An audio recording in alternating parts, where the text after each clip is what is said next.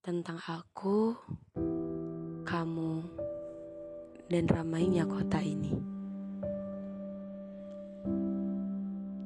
Sekarang aku di sini, sedang berdiri di tempat yang sama saat malam itu aku dan kamu menjadi kita yang entah apa dapat kusebut.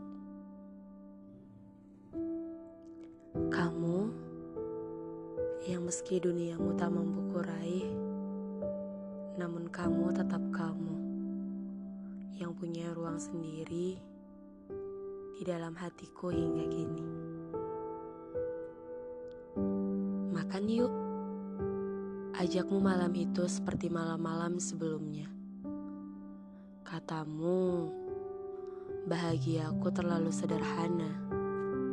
Iya terlalu sederhana untuk sekedar mengisi perut dengan nasi goreng pinggir jalan, lalu menyusuri kota sambil melihat-lihat kemacetan dari atas. Biasanya di perjalanan, kemacetan lampu merah selalu jadi favoritku. Tapi malam itu, entah mengapa rapuhnya punggungmu saat menyetir jadi pemandangan yang paling menarik perhatianku. Punggungmu sedang rapuh. Rapuhnya punggungmu gambarkan riuhnya isi kepalamu. Iya, aku tahu. Kepalamu riuh, tapi mulutmu telingamu justru lebih banyak mendengarkan ojehku. Hingga tak lama setelah itu, di suatu pagi, ucapan selamat pagi tak lagi ada darimu. Bahkan kalau bertemu pun, kau seperti acuh tak mengenalku.